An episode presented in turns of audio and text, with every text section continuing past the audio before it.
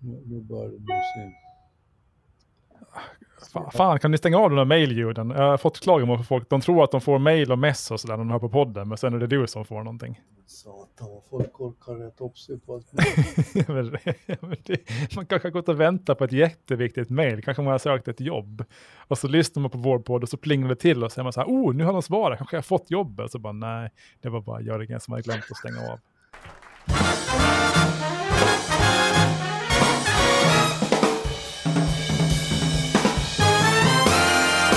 Då säger vi hej och välkomna till avsnitt 25 av Ålands Handel. Och jag som sitter här heter Fredrik Rosenqvist och med mig på en skakig satellitlina från Ålandsvägen har jag som vanligt Jörgen Pettersson. Hur är läget Jörgen?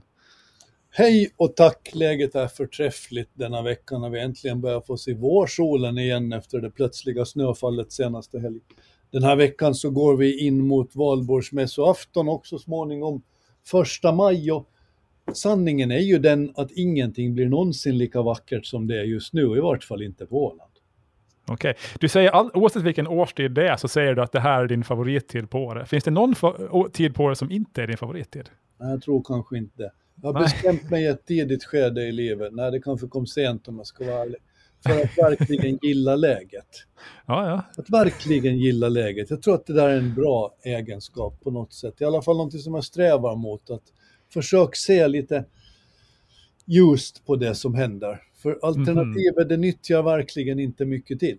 Nej, okej, okay, det, ska, det ska jag ta med mig. Själv sitter jag ju i den, den eh, vaccinationscentralen som är under uppbyggnad på Åland. Eh, jag måste snart utrymma mitt kontor här för det ska bli massvaccinering där jag sitter. Det är lite spännande att vara i händelsernas centrum sådär. Får du inte, kan du gå in i någon kö där och få den spruta? Jag har tänkt tanken att smeta in där, men jag tror jag inte gör det. Nej. De kommer ju att bygga fast uh, ja, här, så att jag därför får jag inte sitta kvar heller, så jag kommer att flytta kontor då. Men det är lite kul att se när det händer här, byggs upp och sådär. Det är roligt att det, att det börjar också, vaccineringen här. Det, det där är härligt. Du sitter nämligen i posten och där håller man just nu på att bygga om hela lokalerna till en stor enda vaccinationscentral. Jo, det är ett väldigt stort rum, så där, där, där kan man nog hålla distans när man får sitt vaccin tror jag. Så det blir nog bra det där. Finns det en större bild av framtiden än just det rummet just nu? Alltså, Nej, det ska jag väl inte påstå. På detta. Ja, så varje gång jag går och hämtar kaffe så ser jag in i vår framtid. Det känns bra. Det är en bättre framtid än vi har nu, fast det är väldigt bra nu. Du, på tal om bra och, och framtid och allt det där, så kom ju Ålandsbanken med sitt eh, första kvartal, eh, resultatet första kvartalet idag. De gjorde sitt bästa resultat någonsin i fjol. Och nu har de börjat året ännu bättre än i fjol. Uh, på samma gång så har Ömsen och OCA uh, redovisat bra resultat här uh, alldeles nyligen. Det går bra för Åland, eller? eller har vi kris? Det är lite svårt att säga. Ja, det är väl många delar i det där. Jag tror att pandemin har gjort att väldigt många företag har tagit tillfället, har gripit möjligheten att få ordning på sin verksamhet. Det tror jag man har gjort när det gäller banker så, så är det väl en ganska tydlig sanning överlag att folk som har pengar har inte gjort av med lika mycket pengar som de brukar och därmed sparat på hög. Mm. Ja. Svårare än så är det väl egentligen inte. Nu måste man ändå minnas att Åland som tjänstesamhälle är otroligt hårt drabbat. Jo, absolut. Sen är det så att banker överlag har ju en, en himla bra medvind just nu. Då. Stigande långräntor och stigande börs. Och alla köper med aktier och det är superhett bostadsmarknad och, och, många har väldigt mycket pengar. Så det, då är det lättare att bedriva bank. Och sen gör ju Ålandsbanken det bra också. Så det, det är roligt att det går bra. Och, så där. och sen överlag om man ser det i vår omvärld så har vi ju en, en, en vilket är paradoxalt, en överlag en otroligt bra konjunktur. Alltså riktigt hög konjunktur. Bolag eh, har lika stor omsättning eller kanske lite större än innan pandemin samtidigt som de har lyckats bli av med en himla massa kostnader. Eh, mycket tack vare att de inte reser någonstans. Och det är lite knasigt när vissa branscher har det så otroligt tufft medan jag menar, industrisektorn och banker och, och många andra försäkringsbolag alltså tjänar pengar som aldrig förr. Det är så svart och vitt samtidigt nästan. Jag tror dessutom att det här är ett resultat av, av, att effektiviteten antagligen blivit större på väldigt många håll. Precis som du säger, till följd av att resandet ställts in. Förr kunde man ägna en dag åt att sitta på ett flyg för att komma till Bryssel på ett möte en timme. Idag mm. sköter man det på tio minuter. Jo, Sen är det ju alltid så här att den, i det här fallet så är det ju den enas bröd, den andras död. För väldigt många företag, det känns som alla, går jättebra. Samtidigt som de sparar in på massor med kostnader för de reser inte och gör inte det ena och det andra. Men alla de som står för de här resorna och alla de tjänsterna som hänger ihop med det här resandet och alla de kostnader som företag har sparat in på, de kan ju ta det som muntert, tänker jag. Mm. Där hade ju det... allting dykt och där ser vi ju, vi är ju stormens öga när det gäller färgindustrin. Resandet mm. är ju fortfarande borta. Ja, och det, privatresande kommer ju tillbaks, men ja, tjänsteresor, undrar hur länge det tar för, innan de återhämtar sig, om de någonsin gör det. Men eh, vi får väl se helt enkelt. Uh, vi har ju levt igenom en större katastrof. Vet du om att det idag, eller i dagarna, så är det 35 år sedan Tjernobylkatastrofen? Du var väl knappt född då? Uh, nej, det var jag. Uh, jo, det var jag ju. tänkte säga. Jag var född. Men jag har faktiskt ingen minne av den. Jag, jag kommer inte ihåg den alls. Så, så skrev det här. Vad minns jag av Tjernobylkatastrofen? Jag minns den här förträffliga tv-serien som gjorde, gjorde av Stakka Bo. Ja. Otrolig tv-serie och sådär. Uh, men nej, jag har, jag har ingen minne alls. Hur var det? Det är precis nu, det är 35 år sedan. Det ja, var läskigt har... som tusan alltså. Och då var, levde vi ändå i en sådan värld att Finland tonade ner riskerna med det hela. Det gjorde ju alla egentligen. För ingen ville ju, var ju bekänt av att det skulle spridas panik. Så, så, effekten blev, verkade som sen långt senare, för man sköt ju radioaktiva renar och rådjur i Sverige decennier efteråt. Mm. Men mycket tyder på att det här radioaktiva molnet då som kom ifrån Tjernobyl, det, mm. det är på något vis som av en händelse så, så gick det högt ovanför Åland och, och, och föll aldrig ner. Tydligen. Okay. Så vi hade nog svintur där vad det verkar som i varje fall. Och, och, vi blev heller aldrig riktigt panikslagna av det skäl att myndigheterna valde, att, valde den vägen. Och sen ja. ska man nog också minnas, det fanns ju inte sociala medier på samma sätt som idag i dagens läge hade ju Facebook och Twitter och allt vad det heter, det hade ju exploderat ifall man skulle fått en härdsmälta som Tjernobyl. Ja, men man visste ju ändå att det, det, man visste ju om det medan det ägde rum, tack vare att Sverige väl eh, snabbt fattade att, oh. det här, att det här höll på att hända. Och de visste väl före alltså människorna i Sovjetunionen att det här höll på att hända. Det var väl någon Alltså det var ju en sjuk historia. Det var någon som jobbar på, vilken kärnkraft, är det Forsmark eh, ja. som ligger i Uppsala. Som hade, han bodde i sin sommarstuga tror jag. Så han, han hade för vana då att, att duscha på jobbet. Och i och med att han gjorde det så var han tvungen då att gå igenom någon sån där säkerhetskontroll, för han måste gå ut igen och så kollar de om, om det fanns radio, de, de kollar om det finns radioaktiva partiklar på honom. Och så gav det larm.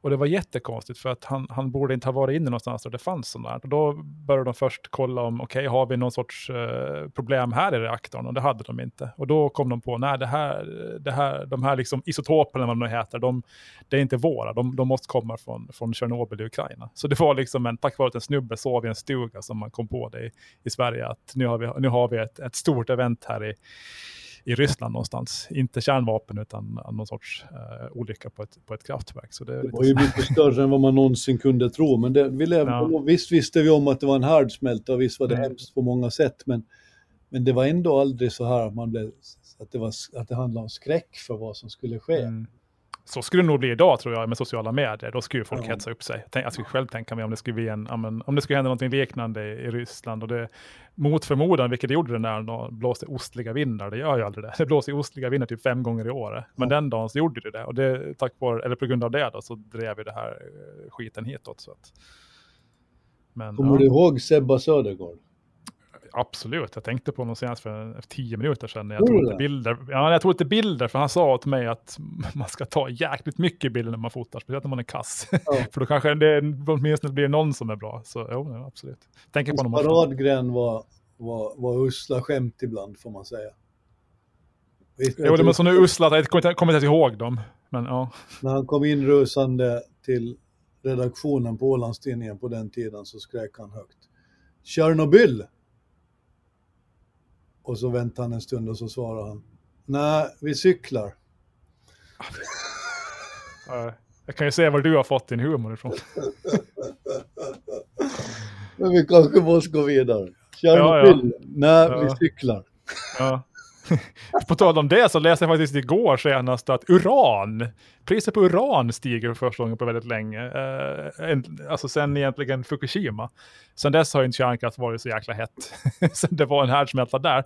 Men nu så är det lite hetare igen då i och med att man måste minska koldioxidutsläppen. Så nu, nu de här uran företag som har urangruvor, de köper upp uran för att priset stiger och sådär. Så att, mm. Nu går vi ju ständigt på en lina som inte är alldeles enkel att begripa. På ena sidan så finns kolet och på den andra ja. sidan finns uranet. Ja. Och mänskligheten famlar på där mitt emellan och vinglar ja. till lite. Och ibland far man åt ena sidan och ibland åt den andra. Och man försöker nå någon form av hållbarhet. Mm. Det känns ibland som att vi är så så lurade vi alla som försöker göra en det ena det enda så lätt som möjligt. Sen är jag ju, jag är ju mer för uran än vad jag är för kol, men det finns ju vissa problem med båda ska man säga. Men du, en, en, en råvara som är hetare än uran, eh, inte i bokstavlig mening, men i prismässig mening, och till och med hetare än bitcoin skulle man kunna säga, är brädor. Eh, Äntligen! Äntligen! Alltså, vi, vi, jag tror, alltså nu, nu, är jag ingen expert på virkespriser och sådär, vad olika brädlappar i olika dimensioner kostar, men eh, åtminstone sedan i USA så har de tredubblats sedan förra sommaren, det vill säga på mindre än, än ett år. Eh, fruktansvärt dyrt med brädor just nu helt enkelt, och det finns brist på dem också dessutom. Uh, och det här beror på att det var många sågverk som, som stängde ner i, i början av pandemin för att ja, deras pund var att inte folk skulle bli smittade och sen man hade ingen aning. Kommer någon någonsin att köpa en planka igen när vi alla kommer att dö av någon jäkla fladdermussjukdom? Så man stängde ner. Men det som hände var ju att alla uh, blev sitta hemma och kom på att de ville ha större hus. Så det, för första gången någonsin, eller för första gången sedan 2008 så var det brist på hus i USA. Plus att alla har byggt sina corona-altaner man har renoverat, byggt ut altanen och sådär. Så sågverken hinner inte med. Det är ett enormt sug på, på brädor av alla dessa olika storlekar och det här gör ju att priserna också skjuter i höjden. Så att, ja. Det där kommer till synas även på Åland och, och både för de som leveran, lever, levererar, alltså säljer virke, mm. men också för de som bygger hus. Alltså husbyggen blir dyrare allt eftersom just nu. Absolut. Ja. Jag har inte... Jag har inte koll på, på, på liksom priserna här på Åland, för jag har inte varit köpt några brädor på länge. Men jag kan väl gissa att de har gått upp en hel del. Det vore ju konstigt annars. Det finns ju alltid någon koppling till världsmarknaden. Så att. Men om man ska bygga en jättestor altan i sommar, kanske man ska vänta. Vad det verkar nu i alla fall. Eller så ska man köpa dem blixtsnabbt i händelse att det stiger ännu mer. Ja, hamstrar. Det, det, var, det var brädor man ska hamstra, inte toapapper. Brädor och så små ketchupförpackningar uran. Det är det här som visar ekonomi i praktiken, hur det ja. faktiskt funkar. Alltså hur mm. inflation uppstår och hur efterfrågan och utbud uppstår och allt det där. Det kan mm. koka ner till en så simpel sak som en bräda. Mm. Tyvärr är det ju så att alltså, skogsägarna, visst, alltså priserna på olika typer av skog, eh, speciellt skogsmark, men också det som man säljer stiger, men inte alls lika mycket. De, de får inte riktigt del av den här uppgången och det beror ganska mycket på att det är just sågverken där det finns brist på kapacitet. Alltså det finns mycket träd som helst, men man hinner inte såga dem. Men det eh, där är som allt, USA. Det där är som allt annat inom ekonomin, det är förädlarna som, och, och försäljarna som gör vinsterna, det är inte producenterna. Mm, ja, precis. Så att eh, ja, tack vare byggboomen i USA då så går ju upp och sånt som bygger eh, golvvärme till, till amerikaner. Det går ju som tågen. Så ja, det är bra. Bättre med skitbrunnare än skog kan man säga. Det är nog otroligt att se de stora bolagen just nu. Jag vet att du följer dem mm. mycket bättre än vad jag gör, men, men det är ja. ju helt fantastiskt hur det snurrar fast man skulle tycka att det inte gör det. Ja, det går som aldrig förr. Det är som att vi är inne i en helt sjuk högkonjunktur och det är helt bisarrt. Man sitter på Åland och här känns det ganska deppigt tidvis. Men ja, det, är, det, det vore ju värre om det gick dåligt för alla, tänker jag. Så att, på eh. Wall Street Journal hade de igår, du har, blivit, du har för lätt med att börja läsa den, så allt oftare slirrar jag dit och ser vad den är. Och den är rätt bra, för den ger en, mm. värld, en, en omvärldsanalys alla dagar. Ja. Igår så så lutar de sig mot rubriker som gick ut på att hela väst står bara och vibrerar just nu av förväntningar över det som komma ska när vaccinet sätter mm. fart på allt igen. Ja. Och där tror jag fortfarande vi kommer att få rätt, det som vi sa från början. Efter spanska sjukan blev det en konjunkturfest som världen aldrig skådat i början på 1900-talet. Mm. Antagligen blir det samma sak nu. Ja, ja men det, det mesta tyder det på det. Bara få sitta och, och få krama sina kompisar utan att få verkligen umgås med alla. Mm. Oh. Och man tycker man ser det på viljan att ta vaccin också. Folk är ju väldigt sugna på att få ta vaccin. Oh. För att det ger alltså, en möjlighet att, att resa och, och, leva ett normalt liv. Så det känns som att om man ska komma ut med vaccin som är så här med 10% chans att få en blodpropp, folk ska ta det ändå. Alltså, de är så trötta på det här så att... Allt är bättre än ingenting. Så är det. Ja, så. Uh, en sak som jag blev att fundera på häromdagen. Uh, Netflix, du är ju en, är en Netflix-konsument. Ja, ja. Eller hur? Ja. Man skulle kunna tänka sig att Netflix har gått jättebra senaste året. Man kan inte göra så mycket annat än att sitta hemma och se på Netflix. Eller hur? Nej. Eller? Nej, mm. det är fel, för Netflix har gått skitdåligt. Uh, betydligt, alltså aktien pratar om, betydligt sämre än börsen. Uh, och användartillväxten har faktiskt sakta in ganska rejält. Um, och det beror på att det är jäkla vad mycket nya streamingtjänster det kommer hela tiden. Amazon Prime, uh, Disney+, vi har de gamla HBO, alla uh, kommer ut med, med, nya streamingtjänster och tar hem sitt eget innehåll, det vill säga Disney har sitt eget innehåll och sådär. Jag blir fundera på, tidigare så tänkte man att kanske det finns en eller två, eller möjligtvis tre stora streamingtjänster, men sen blir jag fundera på när streaming kommer att bli som tv var, eller är fortfarande. Man har 500 kanaler, man har 500 streamingtjänster. Vad tror du? Jag tror att du är någonting på spåren där, men jag tror också att eh, en sak som vi inte får glömma bort är att bli eh, failure of success. Ja. Alltså när man har lyckats med allt, vad gör man sen? Mm. Det, det, här är, det här är som storyn om 16-åringen som är ute på sin allra första älgjakt och skjuter en 18-taggare. Och hans 80-årige morfar kommer ut till passet, tittar pojken djupt i ögonen och säger stackars grabb, det här var det värsta som kunde hända och pojken förstår ingenting för han är överlycklig. Och frågar vad menar du med det? Jag har ju skjutit en, en, en jättestor älg på mitt första pass. Och farbrorn säger, jo, men vad ska du nu drömma om? Mm. Där tror jag Netflix har landat. Och där tror jag att det är risken för väldigt mycket av sånt som drivs av kreativa idéer. Mm. Om, du, om du har blivit så duktig att du får en blockbuster, någon som alla ska se, Casa de Papel eller sånt som Netflix har kryllat av, alltså sådana filmer som man faktiskt inte kan missa. Man måste se de där serierna. Mm. Och sen när du har gjort det, vad gör du då då? Ja. Det måste ju vara det svåraste konsten av precis allting här i världen. När du verkligen har lyckats, vad gör du sen? Mm. Därför det är det ju viktigt att misslyckas med jämna mellanrum. ja. ja, för det slås jag. För jag, jag eh, testar Amazon Prime nu. Uh, för det som är, skiljer många av de andra streamingtjänsterna från Netflix är att de är betydligt billigare. Jag vet inte mm. vad Netflix kostar, kanske 15 euro i månaden och sånt? 10-15? 14,90 tror jag att det var. Ja, Amazon Prime kostar, kostar 6 euro i månaden och då får man några veckors gratis. Och det jag slås av är att hur många funktioner Amazon Prime har som inte Netflix har, som jag älskar. Alltså rent funktionalitetsmässigt, så wow, massor med saker. Nu kanske de här har kommit till Netflix, när jag ska kolla, men till exempel det här, när jag ser på en film, så fort jag ser någon så jag säger ah, vem är det där? Vem, vad har han varit med i? Ja, vad heter han? Ja, jag, alltså, och, och, jag sitter alltid på cast, så, alltså liksom, så jag googlar på cast och försöker leta reda på mm. skådespelare och sådär. Men på, på Amazon, så om du rör muspekaren så, så, så får du se en, en, en lista på, på alla rollkaraktärer och en bild och deras riktiga namn på de som är med i scenen just då.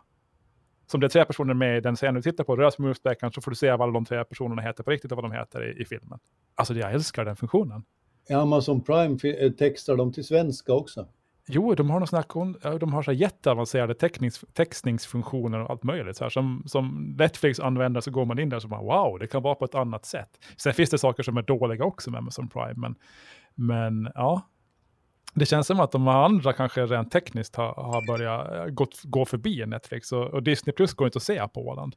Men jag har ju hört att det ska vara the shit liksom. Och de, de kommer ju att växa om Netflix. Ja, men, Ett snart, tag typ. tills någonting annat kommer igen. Jag tror faktiskt ja. att det här är en väldigt utmanande bransch. För jag har ju följt Netflix ganska väl, inte minst under mm. corona-april.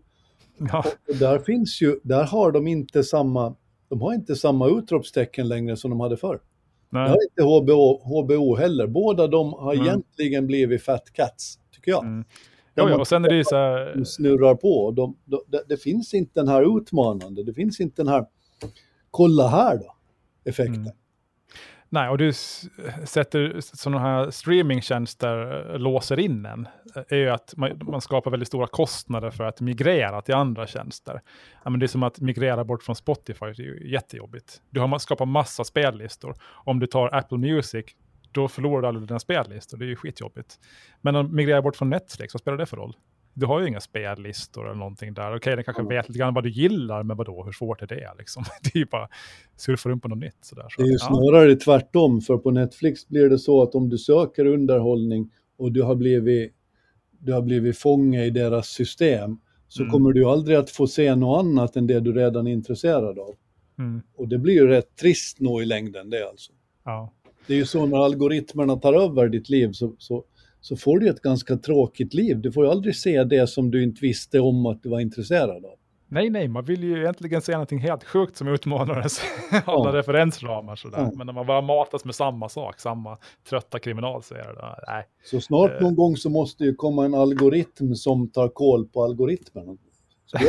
ja, en algoritm som gör en till en bättre människa. Ja. Det vill säga om du googlar för mycket på hur du ska gå ner i vikt så kanske algoritmen tänker att nej, men jag, hon ska få, eller han ska få eh, eh liksom, eh, vägbeskrivning till en, till en god restaurang i närheten för att hon inte ska få, eller han, få anorexia. Det ska ju Precis, vara perfekt. Exakt. Istället för att man ska matas med ännu smalare människor. Som, ja. Och få ännu sämre samvete. Istället så här gör du den perfekta mockarutan. Mm. Det är ju ja. framöver.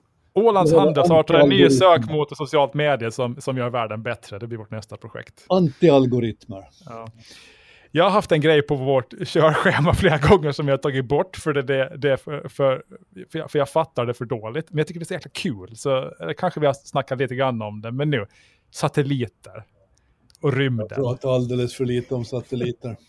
ja, men alltså jag, jag läste, på tal om Wall Street Journal, de, hade en, de flera bra artiklar om det här satellitkriget som pågår nu, där olika bolag med Elon Musk SpaceX eh, längst fram, men även sådana traditionella bolag som Viasat och OneWeb, plus då Amazon eh, som också har ett satellitprojekt. De tävlar med att stoppa ner sin flagga i den här, vad heter den, Leo heter det på, på engelska, alltså den här väldigt låg, låga omloppsbanan nära jorden. Där skjuter de upp satelliter nu som aldrig förr för att ingen annan ska få plats med satelliter där. Uh, jag tror SpaceX har skjutit upp över 1300 satelliter redan och de söker och har fått tillstånd för att skjuta upp totalt nästan 50 000 satelliter dit. Uh, och är det uh, mycket eller lite? Ja, det är jättemycket. För på de föregående 70 åren har vi skjutit upp 9000 satelliter. Så man ska helt enkelt fylla den här uh, Leo, alltså den här Low Earth Orbit med enormt mycket satelliter. Och Amazon vill skjuta upp 3000 och det är liksom hur mycket som helst. och nu varnar man för att i synnerhet de här SpaceX-satelliter är ganska dåliga på att navigera. De har ett sånt AI-system som ska undvika kollisioner mellan satelliter. För det blir viktigt att när det flyger 50 000 satelliter där uppe så måste de undvika krock. För om det blir krockar där uppe, det blir en massa rymdskrot och då kan ingen längre vara där med sina satelliter. Och det skulle ju vara en katastrof. Så nu håller de på och strider om vem som ska skjuta upp och hur mycket och sådär. Och det är alltså vad häftigt att följa. Det är som Stjärnornas krig fast... Ja. jag drömde, eller det kan jag inte ha gjort, det är klart jag måste ha läst det, det måste ha varit på text-tv, att NASA stoppade två satelliter som var skitnära att krocka, precis ja. för någon vecka sedan. Ja, men det där händer. Det har hänt, alltså det är sådana procent på det där, hur många som har så här failure av de här SpaceX-satelliterna. Och de skjuter ju upp flera om dagen. Alltså det är hela tiden, hela tiden som pumpas upp satelliter i en aldrig tidigare skådad omfattning. Och det är ju deras Starlink-projekt som ska ge att du ska kunna få bredband var som helst på jorden jättesnabbt. Uh, så du ska liksom, du monterar en, en, en parabol på ditt hus uh, och drar någon kabel och så ska du kunna ha internet mitt i Sahara eller var som helst. Och det finns ju en betatestare i USA som, som har internet genom, genom Starlink. Eh, så det är väl det här sättet man tänker sig att hela världen ska få internet då, eh, utan att man behöver dra en massa kablar helt enkelt. Så det är en spännande utveckling, men man har ju testat det här förut med satelliter i just den här Low Earth Orbit och de har alltid gått i konkurs. för det har visat sig vara väldigt, man måste ha väldigt många satelliter helt enkelt det säger sig självt, skjuta upp 30 000 stycken är ganska dyrt. Så man måste ta betalt för det sen också. Då. Men det är ganska häftig utveckling. Så då. tycker jag i alla fall, som gillar rymden. Ja, verkligen. Det är ja. en nivå som är lite svårt att ta till sig också. Ja. Själv har jag investerat i Ovzon, det har jag sagt tidigare, ett svenskt mm. bolag. Som, de skjuter upp sina satelliter i det här geostationära området som ligger typ på... Låg höjd. Nej, 35 000 kilometer ovanför jordens yta. Uh, Elon Musk håller till i 550 kilometer över jordens yta. Alltså det är tvärtom, uh, de är på hög höjd. De är på mycket, mycket högre höjd, där traditionella satelliter finns. Problemet med dem är att de, de, man kan inte liksom använda det internet till vardags för att det har en sån här fördröjning. Som du spelar Counter-Strike eller någonting, så då är det inte så bra med någon sekunds fördröjning. då blir du skjuten och sen fattar du det först sen. Men däremot så används det ju av, menar, monteras på helikoptrar och bilar och motorcyklar till exempel för att göra utsändningar eller militären behöver jäkligt snabbt internet som är väldigt, väldigt, väldigt pålitligt överallt. Typ, så att, så när vi googlar grejer härifrån så är det egentligen via en satellit någonstans ovanför oss som allting funkar. Det är rätt. Ja, så snart är vi via satellitlänk på riktigt. Kanske via Starlink och sen när vi ser på, på eh, Giro d'Italia så ser, det, ser vi det via Ovzon-satelliten. Så skjuter upp sin första satellit nu i höst faktiskt. Nu har de bara inhyrt kapacitet. Sådär. Var, ja. var, var skjuter de upp sådana ifrån? Norrland de ställena? Nej, de skjuter upp sin från franska Guyana. Uh, så nästa satellit ska väl helst skjutas upp nära ekvatorn tror jag. Nu sätter de mig på pottan. Den ska ju väldigt, det är väldigt stor raket där. Den ska ju väldigt högt upp den här. Det är inte sådana här små Starlink-satelliter. den ska, den ska upp högt och, och vara där i omloppsbana vid ekvatorn. Så att, ja, då sitter man där klistrad. Liksom vi också måste prata mer, kanske inte idag, men en annan dag, om helikoptern som NASA skickade ut med Perseverance till Mars. Tänk, de, fixade, de skickade först upp en bil dit. Ja. Det visade sig att de har en helikopter på den bilen som ja. ska flyga som en drönare runt på Mars för att ta bilder. Och då frågar ja, det, man ju, det här är ju ett typiskt Kinderägg-fenomen. Ja.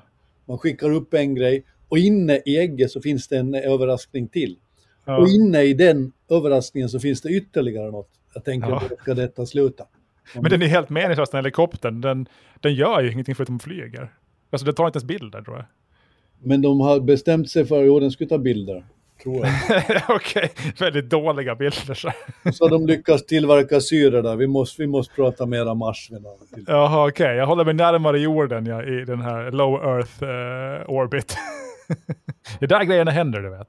Ja, och på börserna, inte att förglömma. Det vill du också att vi ska prata om idag. Ja, vad tycker, och satelliterna, de är... Ja. Mm, ja. Vad tycker du om Oatly?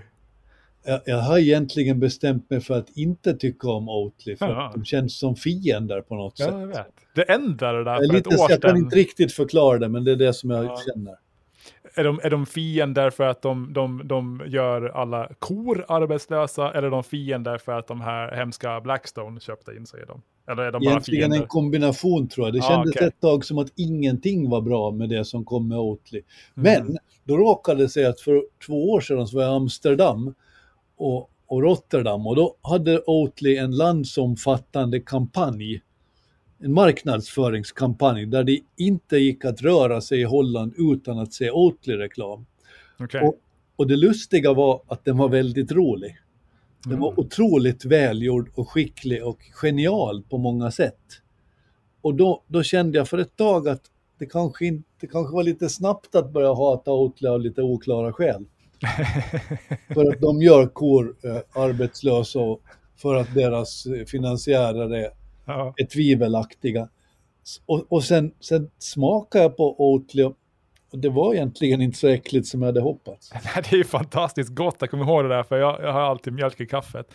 Eh, men jag har lite problem med om det är laktos eller vad det är. Jag mår inte så bra av att dricka mjölk helt enkelt. Men jag ändå gjort det för jag tycker att alla substitut är så jäkla äckliga. Men sen när Oatly kom så var det så här, ah, men det här är ju, det här är ju bättre än riktig mjölk i kaffet. Förlåt alla kor och alla bönder, men jag tycker det. Jag, jag, jag konsumerar andra mjölkprodukter som ost och sånt. Eh, jag håller men... ju inte med, ingenting går upp mot mjölk naturligtvis. Men Oatly så har jag varit djupt tveksam till, men nu vet jag inte riktigt vad jag ska tycka. Jo, men det är liksom, alltså det, jag tycker också det är gott med mjölk, men det är svårt när man går runt som en zeppelinare sen och förpestar sin omgivning på grund av vad, vad, finns det något fint ord för det? Det kanske inte finns, men ja, det lite gatproblem. Gå in på alla nej, detaljer. Vi behöver vi inte gå in på det där. Vi har en podd tillsammans, men man måste inte gå in på allt. Det finns nej, nej, man kan nej. lämna bort. men orsaken till att jag pratar om Oatly, de ska in på börsen, uh, USA-börsen nu. Och man, de har lämnat in sådana här, ja, där man behöver lämna in papper till myndigheter. Så det är på gång, men man vet inte, så vi, senast jag läste, när det här kommer att ske och, och vad det kommer värderas till. Man pratar om att värderingen kommer att bli 10 miljarder dollar, så 100 gånger mer än Viking Line. Och jag har gått och irriterat mig på att Oatly, vi borde ha haft en sånt bolag på Åland tycker jag. Varför inte liksom? Vi har ju havre. Så det är lite synd. Eh, men de är in på börsen, så de som vill. Men det visar ju Oatly igen det som vi sagt så många gånger. Vi har ingen aning om vad som kan bli nästa, stor, nej, nej. nästa nej. stora fenomen. Ja. Och det där måste vi ständigt påminna oss om. Det där är som våffeljärn vi har pratat om tidigare. Det finns ingenting som inte kan förädlas och bli ännu lite bättre. Mm. Om man bara bestämmer sig för det. Mm. Sen ska jag säga att jag har bytt från Oatly till, de är fruktansvärt dyra. Alltså en sån där förpackning kostar ju typ 100 euro, nej inte 100 men 250 eller någonting. Det finns ju inhemska alternativ som är lika goda och, och, och ja, kostar hälften så mycket. Typ vad det är, Valli och sådär. Så.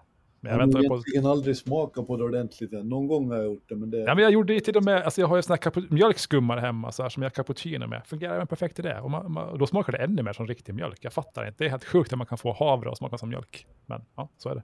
Mm. Ja, ja jag, jag, jag vidhåller den och jag är fortfarande tveksam.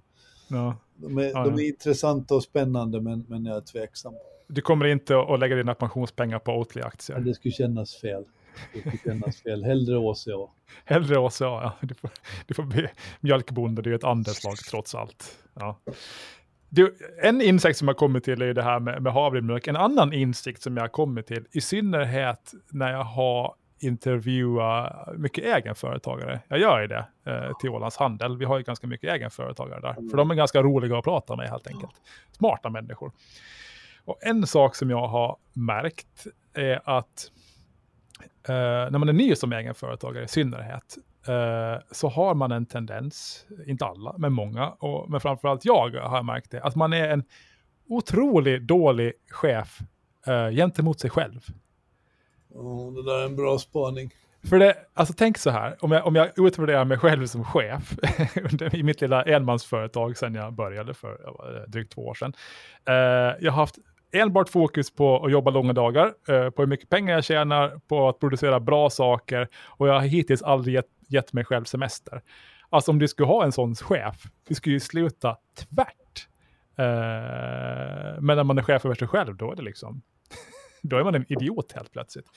Men man, man, man drillas ju också lite där, för att när man ser liksom så här goda råd och, och sånt som man folk slänger sig med och som man ser på, vad, vad vet jag, Instagram-konto. Då handlar det om att hur man ska vara så produktiv som möjligt hela tiden. Eh, du ska jobba i 90 minuter, sen ska du ta fem minuters paus och du ska göra det och det, det blir så här maximalt produktivt.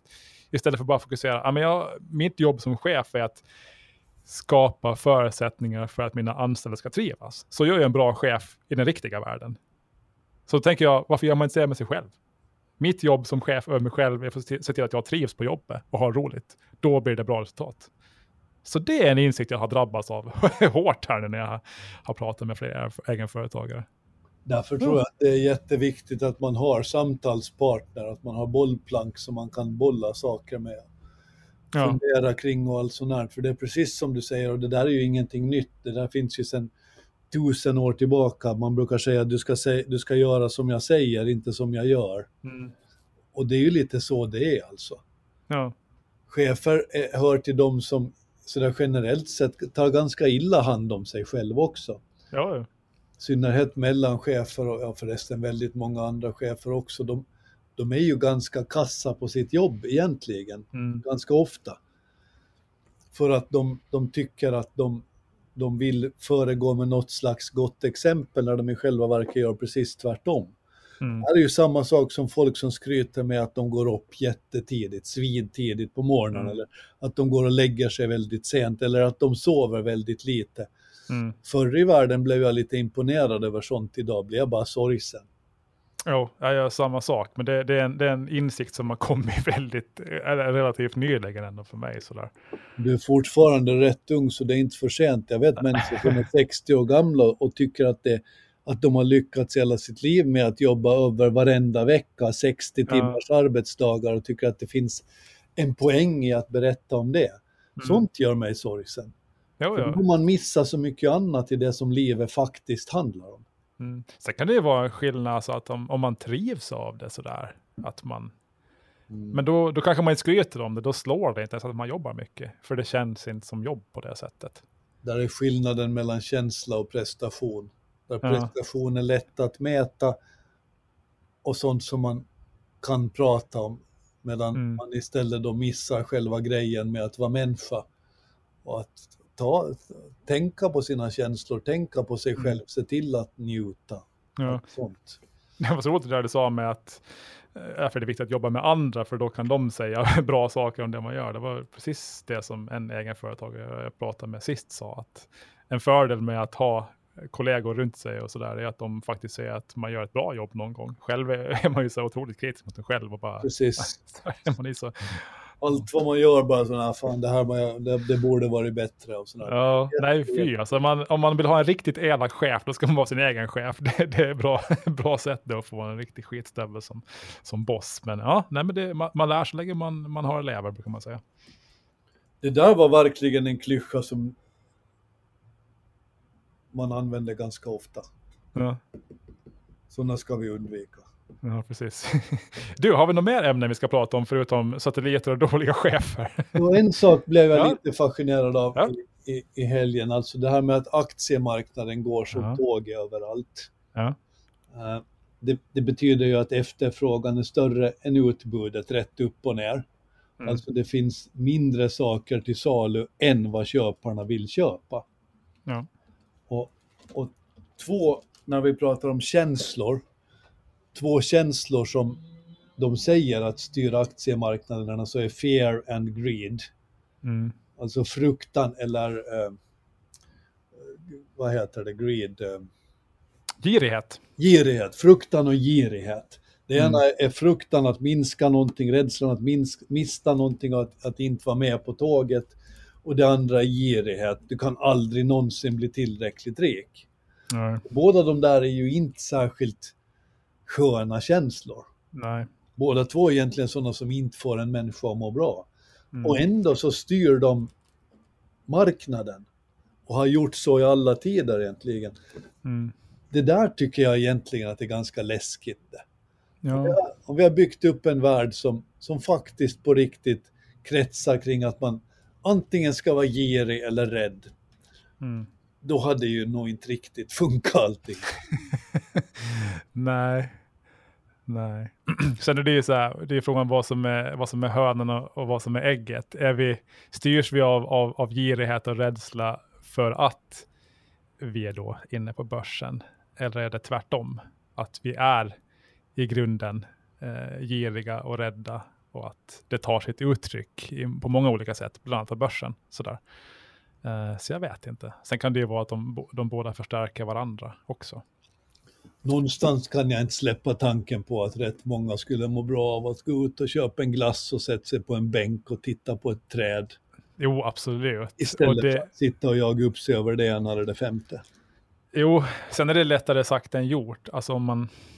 Jag vet ju att du tycker att man ska vara eh, i kontakt med sina känslor och, och, och bejaka dem och sådär. Och frågan är om, om, om det är bra när man är inne på börsen. Normalt sett så brukar man väl då säga att där är ju känslor egentligen din, din värsta fiende, för de får dig att agera eh, efter rädsla och efter girighet. Eh, det vill säga, du är rädd för att det här, det här ska hända. Du är girig, du ser hur mycket, andra människor, hur mycket pengar andra tjänar. Och då gör du någonting som är dumt, som äventyrar din privatekonomi, som går emot din strategi eller vad som helst. Du, du, du håller inte längre kall och, och följer inte din plan. Um, och det, det här är väl alltså den absolut, absolut, absolut största utmaningen för vanliga människor när de ska eh, på något sätt placera sina pengar som de har tjänat ihop. För det måste man göra. Men om du inte väljer någonting alls, har dem på banken, det är också ett val. Då har du dem i kontanter och det är också en risk. Det finns ju ingen värdebevarare så. Du måste göra ett val någonstans.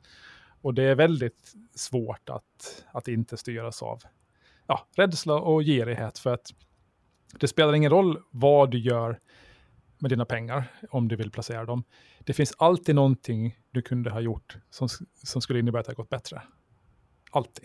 För det, möjligheterna, ja, möjligheterna är oändliga. Så du har alltid det här FOMO och, och avundsjukan att fan också, jag borde ha gjort det, då skulle det gått bättre. Det finns alltid den möjligheten. För det finns ingen som är perfekt. Och det är en otroligt jobbig känsla att gå omkring med hela tiden och se allt som du kunde och borde och skulle ha gjort, men du gjorde inte för att du var rädd eller girig eller bara dum eller någonting. Så det är en, eh, ja, det är en ångestens tempel, brukar jag höra, brukar jag höra att man kallar den här placeringsvärden för. Det är, en, det, är en, det är en psykologisk prövning utan dess like. Så att... Därför gäller kapitalistens grundregel, never fall in love with your assets. Nej. Bli aldrig kär i dina tillgångar.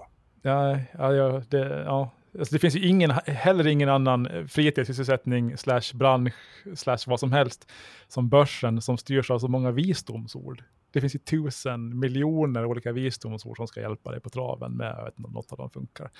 Det finns ja, ju några sådana här fenomen. Golf är en sån där det kly, kryllar av klyschor. Ja. Börsvärlden, ja. fotboll och ja. sånt annat som man inte riktigt kan förklara och där man förr eller senare blir deprimerad och då måste man ja. dessa klyftor. Det kan ju hända att, att golf och fotboll och börsen det är samma människor som håller till där. Jag spelar inte golf då.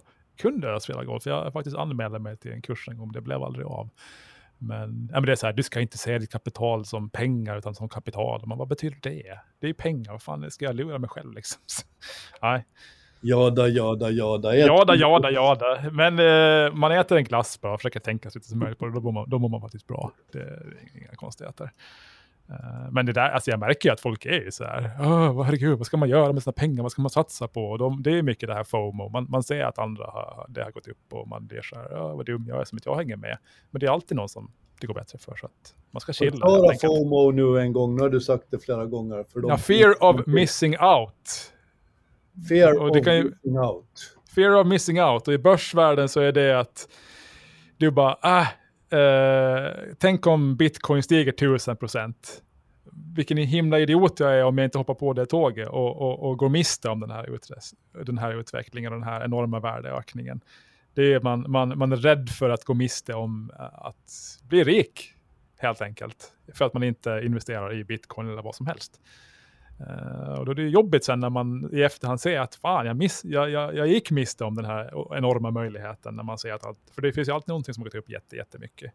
Oavsett om det är GameStop eller bitcoin eller någonting. Och det här, ja, det blir ju en, hela tiden en, en FOMO, man, man måste hänga med och man vill vara med på allt, för man vill ju inte gå miste om någonting bra, helt enkelt. Och det är samma sak som man ser i sociala medier, att man vill inte gå miste om någon som någon har skrivit eventuellt, eller någon fest eller vad som helst. Och Sen. Det är det som, är, som, som, som leder till, till ångest och, och, och framtidsängslan hos ungdomar inte minst, som kanske mm. inte hänger på börsen, men mm. som sitter uppe på Snapchat eller vad det nu är dygnet igenom och tittar på mm. TikTok eller vad de håller på med. Ja, ja. ja men det är ju så här... En äldre som gör det för att man inte vill missa någonting. Mm. Men vi är ju, alltså människan är ju ett flockdjur och det där går ju inte så lätt. Så vi vill ju inte, vi vill vara med i flocken vi ville inte avvika från flocken, för det betydde när vi var grottmänniskor att vi, vi låg ganska illa till. Vi blev uppkäkade av sabeltandade tigrar. Så det är väl där den här FOMO kommer ifrån, att man, man ser att det, andra sticker iväg, oavsett om det handlar om på en fest eller i, i bitcoin. Så då vill man vara med, för man, man vill vara med i flocken. Liksom. Men det så. finns en grym motsägelsefullt till det där, alltså alla mm. de som verkligen har lyckats, eller som vi betraktar som lyckade, som Elon Musk och som allt vad det heter, Steve mm. Bezos, Jeff Bezos och Mark Zuckerberg och de här überrika. Mm. De har en sak gemensamt, de har inte gjort som flocken gjorde. Nej, De har gjort tvärt emot vad flocken gjorde. Så ja. egentligen så är det ett ganska starkt bevis för att när du ägnar dig åt att bli FOMO så ja. är du egentligen en garanterad eh, eh medelklass-tillvaro som du är ute efter. Det är ett av de här till visdomsorden när det handlar om börsen, du ska vara contrarian, alltså du ska satsa på det som alla just nu hatar. Alltså det som ingen vill ta i med tång. Där ska man liksom gå in och sådär med, jag vet inte. På tal om Mark Zuckerberg, vet du om att han säljer väldigt mycket aktier i Facebook? Han, såld, han har sålt för, jag tror det är en miljard dollar hittills i år. Eller något sånt. Nu har jag kanske fel på nollorna, det kan vara hundra miljoner också. Who knows? Han har sålt ganska mycket Facebook-aktier, han gör det varje år. Uh, vet du vad jag, vet, han ger bort dem. Oh. Han har ju lovat att ge bort 99 procent av, av pengarna från alla sina Facebook-aktier tror jag, till välgörenhet. Så jag blev lite nyfiken när han sålde, okej okay, vad gör jag med pengarna? Så googlade jag, ge bort dem, okej. Okay. Köpt ett dyrt träd eller någonting, vilket alla i Miami gör nu. Men nej, han ger bort dem helt enkelt. Det, det är väl antagligen så man gör. Om man har så, så mycket så. Ja. Men det är någonting, det där är också djupt amerikanskt alltså. Här finns ju mm. inte, här, här tror ju faktiskt ganska många att man får ta med sig pengarna till nästa liv och det, det, får, ja. det, det händer ju inte så ofta.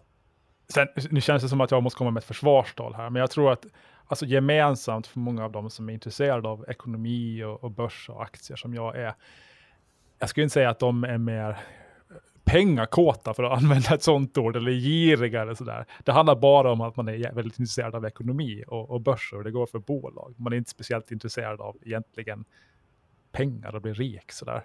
Det tror jag är en fördom som många har. Det är inte så att jag är så här speciellt materialistisk av mig. Jag skiter egentligen i grejer, liksom. jag köper aldrig någonting. Jag tycker bara det är kul med aktier och sånt. Så. Om det där så kommer du att kunna läsa en väldigt insatt artikel i nästa Ålands Handel, vågar jag lova redan nu om vad som driver entreprenörerna att stiga upp följande morgon ännu lite tidigare än morgon därpå, jobba ännu lite hårdare, ta ännu lite större risker, trots att man egentligen inte behöver. Mm. Vad är det som driver folk framåt? Kring det så har jag gjort en intervju som jag tror att kommer att bli extremt läsvärd i nästa ja. Det, och det är sällan pengar som jag svarar på den frågan, utan att ha läst en artikel. så långt ifrån som möjligt. ja, nej, det. det pengar det är värdelös drivkraft. Ja. Är vi klara för veckans hyllning då? Är långt jag tror att vi börjar bli redo. Ja, uh, du får börja så får jag fundera. jag börjar med en, lite, en, en hyllning i grupp mot, mot alla dessa gnällgubbar. Det finns nog gnällgummor också, men de är inte riktigt lika vanliga gnällgubbar, de här som tycker att det var bättre förr, de tycker att saker och ting sköts inte riktigt som det borde, i alla fall inte som de skulle göra det själva. Och det här blev tydligt senaste söndagen när vi firade Ålands flaggas dag. Och kombinationen gnällgubbar, Ålands flaggas dag och sociala medier är inte enkel att ta till sig. För plötsligt så finns där en scen där alla dessa gubbar, det, det, är faktiskt nästan bara gubbar, jag tror inte jag såg en enda gumma, går runt i till exempel Mariehamn, ser vilka som har hissat flaggor och vilka som inte har hissat flaggor på Ålands flaggas dag. Och därmed så är målet öppet. Varför har man inte hissat flaggan på Ålands lagting? Varför är det så många flaggstångar som står tomma runt om i stan? Vad är det som har detta beror på? Varför bryr sig ingen om Ålands flaggas dag längre? Frustrationen är tydlig. Och, och man, man gör det av skäl som jag inte riktigt kan, kan säga, men jag, jag tycker att, att dessa gnällgubbar, de är värda en hyllning i det att de visar ett slags engagemang som kan, kan faktiskt vara kanske lite nedbrytande, men som ändå är ett bevis på hur bra vi har det på Åland. När, när, man, när missnöje bottnar i att man har missat att, missa en flagg, äh, att hissa en flagga en dag. Mm. Jag tycker att detta missnöje är ett kvitto på att vi trots allt, alla våra utmaningar och allt vad det är, har det rätt bra faktiskt. Så tack för den påminnelsen. som gick runt och var förgrymmade över ohissade flaggor. ja. Hissade du flaggan i söndags? Och det, var det söndags? Flaggstång. Jag har ingen flagg. Nej, det är ett enkelt sätt att undvika. Jag har haft alldeles för mycket självinsikt för att skaffa nej, det, en flaggstång. Nej, det finns väldigt många olika sätt man kan göra med fel på. Man hissar fel flagga, man hissar på fel dag, man låter den hänga kvar för länge, den är skitig och trasig. Och, nej, det är mycket som kan gå snett där. Alltså. Det är att be om problem att ha en flaggstång egentligen, ja. för då utsätter du dig för exakt detta. Ja, jag var ute och sprang i söndags, 15 kilometer. Ja. Uh, ja eller 14,7 var det tror jag. Eh, och jag la ju märke då till ganska tydligt att det blåste orkan i söndags och var typ en hagelstorm. Ja. Kan ju hänga samman med att man kanske struntade i flagghissningen då. Sånt stoppar inte en, stoppar inte en bitter, nej. Ja, nej, okej. Okay. Det är bra, det var hyllning till, till alla dem då. jag har heller ingen flaggstång. Uh, jag ska ju hylla min eh, svägerska idag. Inger, eh, som eh, var inne på det här spåret med att vara omtänksam mot andra människor i största allmänhet och, och sådär. Eh, hon skickade mig alldeles nyligen ett, eh, ett väldigt omsorgsfullt ihopsatt eh, paket med massa godsaker. Det var så här kamomillte och chokladägg och lite pasta och lite pesto och sådär. Och ett väldigt fint skrivet kort där, som pekar på mina, mina goda sidor. Och jäklar vad glad jag blev av det alltså. Sett av kortet, också av chokladäggen. Uh, och det är kul, när, eller det är bra när man kommer ihåg att vara snäll mot andra och uppmuntra dem. Så det borde alla bli bättre på. Och det var väldigt kul att, att få ett sånt paket, så att det gjorde mig glad. Det där skulle bli ett perfekt vårlöfte, det och valborgslöfte och ja. majlöfte och allt vad det är. Gör någon glad. Det behövs så otroligt lite. Mm. Ja, skriv, alltså, det, skriv, eh, alltså få ett kort där ens, uh, som andra upplever positiva sidor och listade. Vilken jäkla egoboost. När man själv går och intar sig själv 24 timmar i dygnet, att man är värdelös på det mesta. Alltså. Och sen får man ett chokladägg som efterrätt. Det var ju helt fantastiskt. Så att, ja, ge, var snälla med folk helt enkelt. Det är bra grejer. Det där tar vi med oss. Det där tar ja. vi med oss. Bra, då har vi varit ute i rymden inne i chokladägg och virkespriser och allt möjligt. Så nu får vi nog dra streck för det. Ännu ett eklektiskt av, avsnitt av, av Ålandsand. Det blev ingen filosofi idag, jag är lite besviken. Det hade vi ju sagt, vi måste ta med oss det. Jag har inte släppt det. Jag har fortfarande Epiktetos liggande på mitt skrivbord och vi ska diskutera mer om stoismens fall. Ja. Och mycket ja, som det måste få mogna lite känner jag bara innan jag, innan jag är redo, innan jag är redo för de, de diskussionerna. Men vi, vi värmer upp med lite så här ja, halvfilosofiska debatter i alla fall. Men bra, då säger vi tack till alla som har lyssnat och eh, tack till dig Jörgen. Tack till dig Fredrik och jag väl säga det med en gång nu då för eventuellt om någon har blivit upprättad över att det har plingat till lite ibland här så, så kämpar jag med att få min dator att sluta ge notiser när det kommer saker i den. Ni behöver inte ta upp det flera gånger, jag är medveten om problemet och jag gör vad jag kan. Och tack för att ni har lyssnat. Nej, hör av er till Jörgen varje gång ni hör ett pling uh, och skriv gärna någonting argt om honom. Det, ni kan bortse från det rådet och skriva någonting snällt just när det gäller det fallet. Vi tycker inte om saker som plingar. Tack och hej alla och vi hörs om en vecka. Hej Tack och hej. hej.